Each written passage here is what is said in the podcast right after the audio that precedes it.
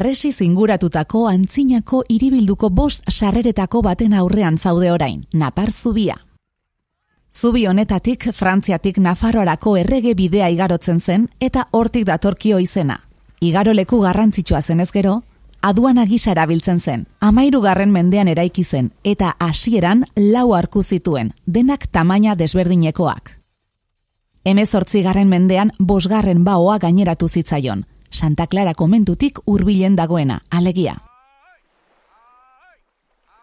Agian zubitik igarotzean gazte batzuk ikusi dituzu bateletan. Eta zure buruari galdetu diozu zergatik ari ziren arraunketan ibaian.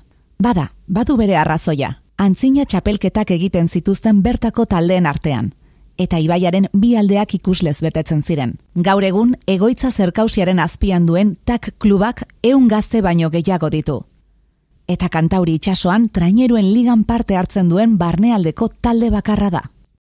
Hori nola nahi ere, ibaia garbitu eta berroneratzeko egindako lanari eta zubiaren iparraldean presa puzgarri bat instalatu izanari esker lortu izan da.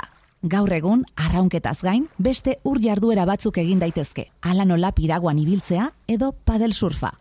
Batzuek alaber, slackline izenekoan aritzen dira ibaiaren alde batetik bestera, orekari maitasunez eutxiz animatuko altzara jarduera horietakoren batekin.